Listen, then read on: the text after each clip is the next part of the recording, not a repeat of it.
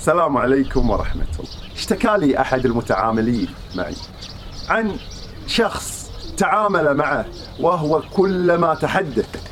أتى بالآيات والأحاديث فساقها تباعا ليدلل على مقصده.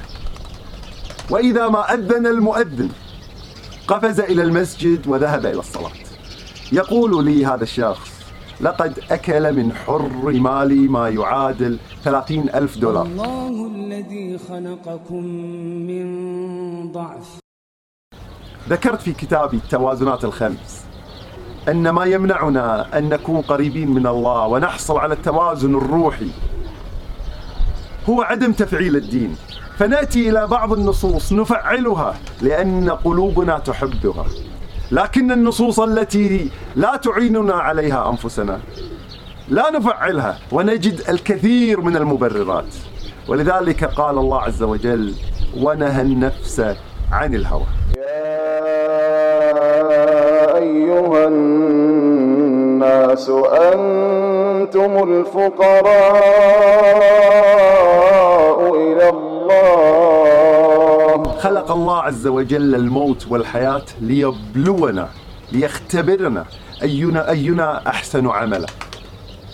وهذا الاختبار لا يتعلق إن كنا نذكر الله أو لا نذكر الله. ولا يتعلق إن كنا نحسن معاملة زوجتنا أو لا نحسن معاملة زوجتنا. وليس في معاملاتنا المالية فقط هو في كل شيء. اختبار في كل لحظة في كل زمان في كل مكان. وعلينا أن نشاهد اختباراتنا.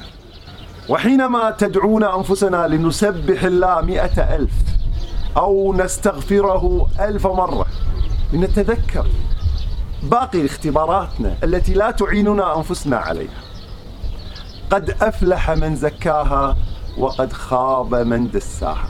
الله الذي خلقكم من ضعف ثم جعل من بعد ضعف قوة ثم جعل من بعد قوة ضعفا وشيبا يخلق ما يشاء وهو العليم القدير.